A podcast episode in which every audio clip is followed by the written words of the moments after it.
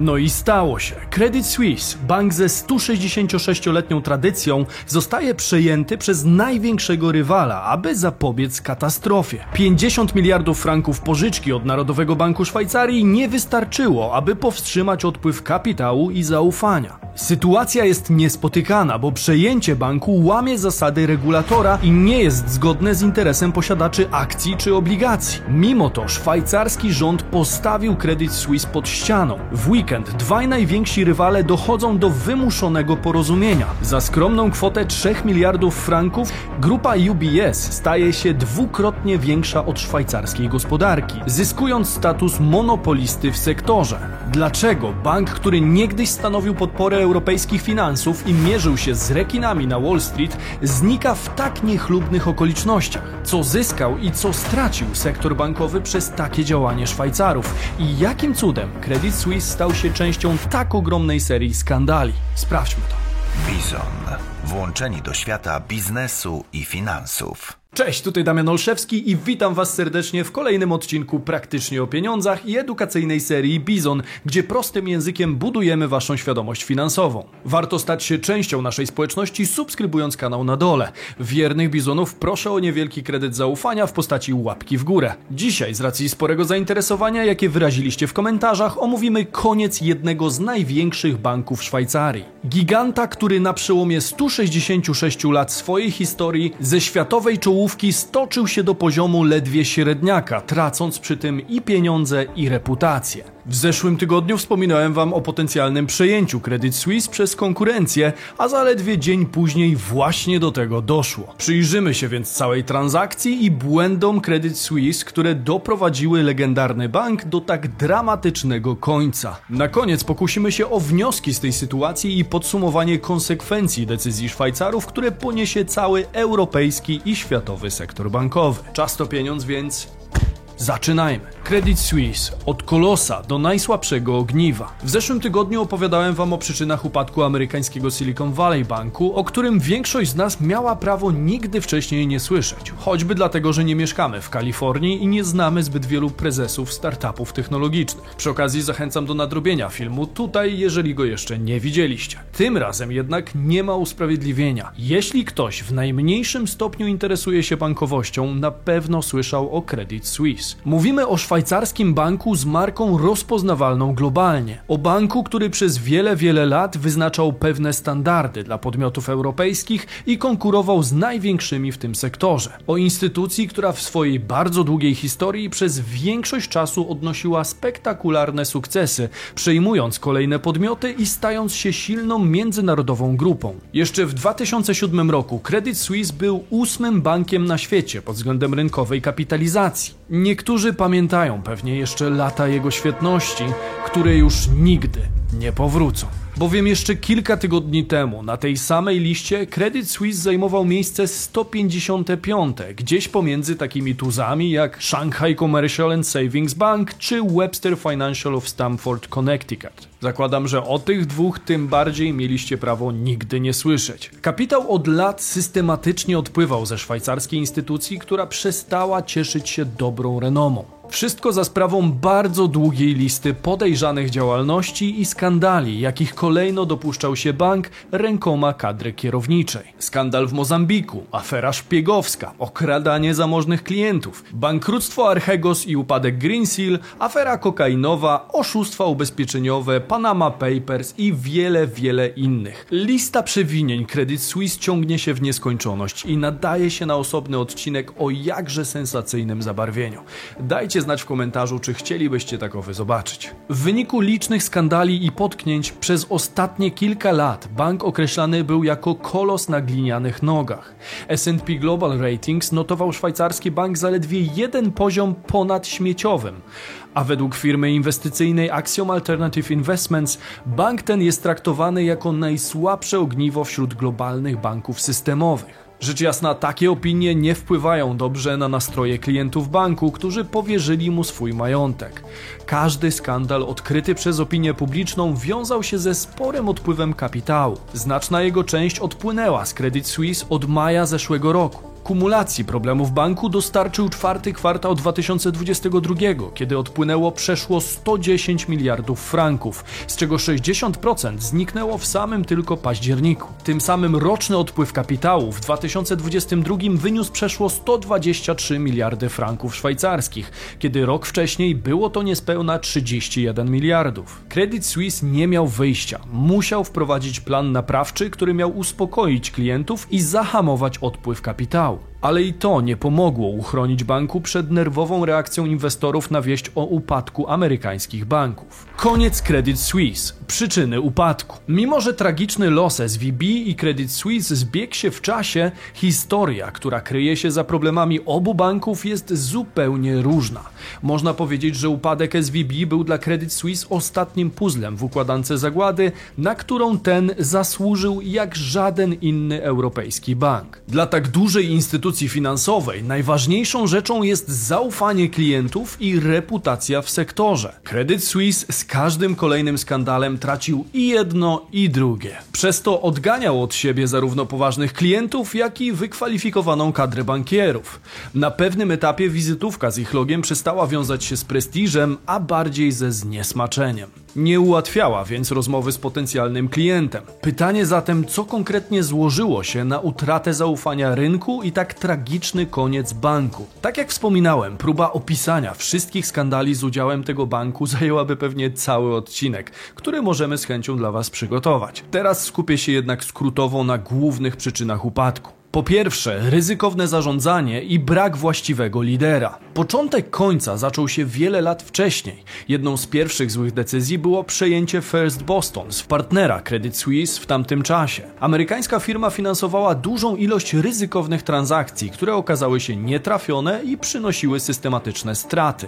Poważne problemy finansowe First Boston otworzyły ścieżkę do przejęcia firmy przez Credit Suisse. Bank następnie zaangażował się w te same rodzaje ryzykownych przedsięwzięć. Jedną z najbardziej problematycznych transakcji była pożyczka w wysokości 457 milionów dolarów na wykup lewarowany Ohio Mattress CO. Nieudane finansowanie przeszło do historii Wall Street jako tak zwane płonące łóżko. Po drugie, brak reakcji na oszustwa i okradanie klientów. W 2015 roku odkryto oszustwa finansowe, które trwały dobrych kilka lat. Jeden z czołowych pracowników Credit Suisse, Patrice Lescadron, który był odpowiedzialny za relacje z ważnymi klientami, dopuścił się poważnych przestępstw finansowych.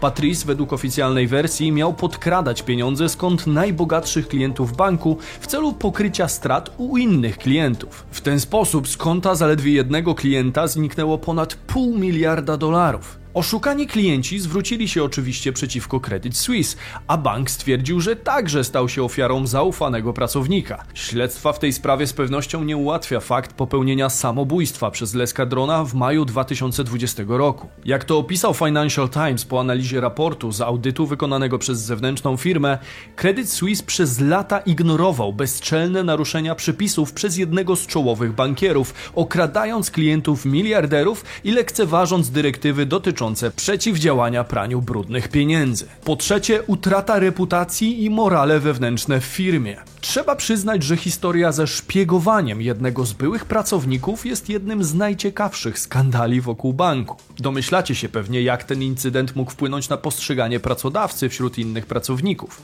Wykwalifikowani bankierzy nie chcą mieć do czynienia z tego rodzaju pracodawcą, a toksyczne relacje przyczyniły się do szkodliwych błędów operacyjnych, co również przynosiło straty finansowe i wizerunkowe. Po czwarte, plan naprawczy. W październiku ubiegłego roku, po skandalach finansowych, bank objął nowy duet przywódców prezes Axel Lehmann i dyrektor generalny Ulrich Koerner. Zaproponowali oni powrót do szwajcarskich korzeni banku jako najlepszą drogę do dalszego rozwoju. Na ich plan składała się likwidacja stanowisk pracy, pozyskanie 4 miliardów dolarów świeżego kapitału, wyodrębnienie operacji bankowości inwestycyjnej i wydzielenie odrodzonej jednostki First Boston, aby zakończyć trwające trzy dekady starania o konkurowanie na Wall Street. Plan był ambitny, ale niestety pokrzyżowany przez znaczną i nagłą nieufność rynku po upadku Silicon Valley Banku. Inwestorzy jakoś tak mniej chętnie patrzą na banki, których dotyczą obecnie plany naprawcze. Oliwy do ognia dodał zresztą szef Rady Dyrektorów Saudi National Banku, kiedy został zapytany przez agencję Bloomberg, czy saudyjski bank zwiększy posiadany pakiet udziałów w Credit Suisse. Jego odpowiedź była chyba jednym z głównych gwoździ do trumny banku na tamtym etapie.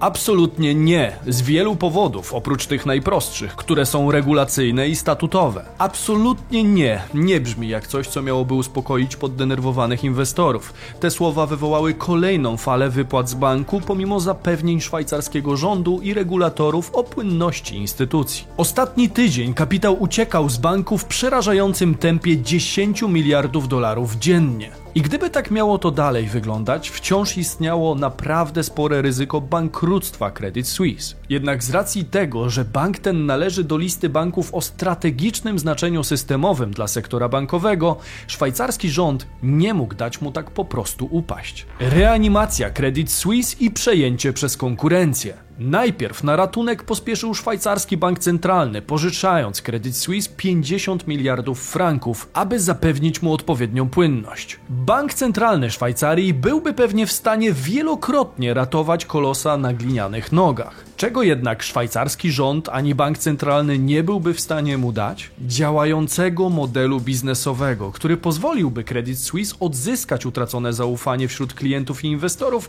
i stanąć w końcu na własnych nogach.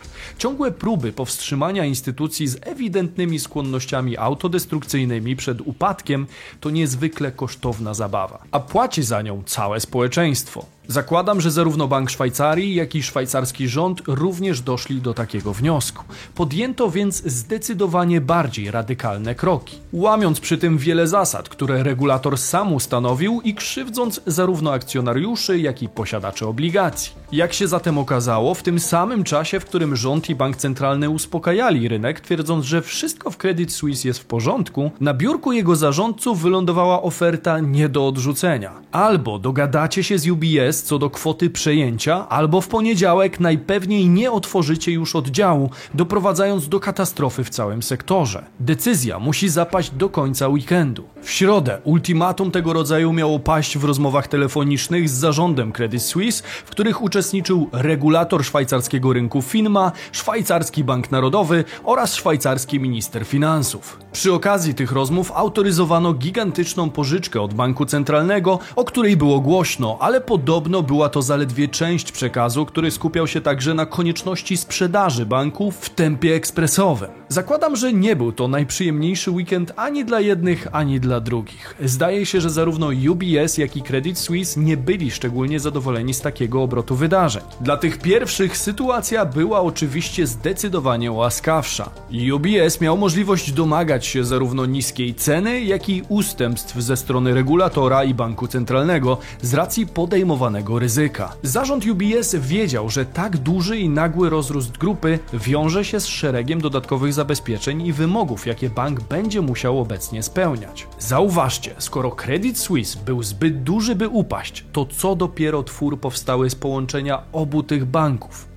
Jego kapitalizacja to dwukrotność całej szwajcarskiej gospodarki, a wpływ na rynek niemal monopolistyczny. Odpowiedzialność, jaka się z tym wiąże, jest olbrzymia. Może być zatem przerażająca dla części kadry i niezgodna z dotychczasowym kierunkiem rozwoju UBS. Do tego fuzja czy wchłonięcie jednego banku przez drugi nigdy nie oznacza prostego procesu. Mówimy o różnych systemach, różnej strukturze portfela klientów czy odmiennych strategiach obu podmiotów, które trzeba jakoś ze sobą sobą pogodzić. Grupa UBS z oczywistych przyczyn nie miała więc zamiaru płacić realnej wartości za bank, który podlegał czemuś w rodzaju przymusowej akwizycji dla dobra ogółu. UBS zaczął więc rozmowy od niecałego miliarda franków, co okazało się zdecydowanie zbyt niską ofertą. Akcjonariusze, którzy nie mieli w tej sytuacji zbyt wiele do powiedzenia, napierali na zarząd, aby ten znalazł inny bank gotowy do wchłonięcia Credit Suisse. Nierealne tempo negocjacji nie sprzyjało jednak znalezieniu alternatywy. Do stołu negocjacyjnego przysiadł się w pewnym momencie także BlackRock, którego oferta także została odrzucona. Finalnie to właśnie UBS został jedyną możliwą opcją, co sprzyjało przejęciu banku za zaledwie frakcję jego ponad 7 miliardowej kapitalizacji notowanej jeszcze w piątek. Weekendowe negocjacje na ostrzu noża zakończyły się więc kwotą 3 miliardów franków za kredyt Swiss i dodatkowymi obietnicami od Narodowego Banku w postaci obietnicy nieobciążania UBS konfliktami prawnymi Credit Suisse oraz umorzenia części zobowiązań przejmowanej instytucji. Do tego w ramach transakcji UBS zażądał dodatkowych 100 miliardów franków na linii kredytowej, a rząd dodał jeszcze umorzenie obligacji ratowanego banku. Tym samym bank został przejęty z około 60% dyskontem od piątkowej kapitalizacji. Inwestorzy Credit Suisse zostali spłaceni w formie akcji UBS, a posiadacze obligacji o wartości ponad 17 miliardów dolarów zostali z niczym. Mówimy o obligacjach typu AT1, których posiadaczami często są instytucje finansowe, takie jak na przykład PIMCO, jeden z największych amerykańskich zarządców inwestycyjnych, który stracił 340 milionów dolarów na umorzonych obligacjach Credit Suisse. Mark Dowding, dyrektor inwestycyjny w RBC Blue Bay, która również trzymała część kapitału w obligacjach AT1 w Credit Suisse, powiedział wprost, że Szwajcaria wygląda na bananową republikę. Niektóre fundusze obecnie specjalnie wykupują dalszą ekspozycję na ten rodzaj długu w ramach przygotowania do prawnej batalii. Goldman Sachs jest obecnie jednym z banków, który ułatwia obrót tymi roszczeniami, oferując ceny typu kilka centów za dolara. Jak się pewnie domyślacie, tego typu podmioty również mają całkiem dobrych prawników i dostrzegają pewne nieprawidłowości w poczynaniach szwajcarskiego rządu i przebiegu całej tej transakcji. Zarówno akcjonariusze, jak i posiadacze obligacji Credit Suisse mają prawo czuć się pokrzywdzeni, choć ci drudzy musieli brać pod uwagę tego typu ryzyko. Saudi National Bank był największym akcjonariuszem Credit Suisse i straci około 80% swojej inwestycji. Posiadał on niemal 10% wszystkich akcji przejmowanego banku, które zakupił w listopadzie 2022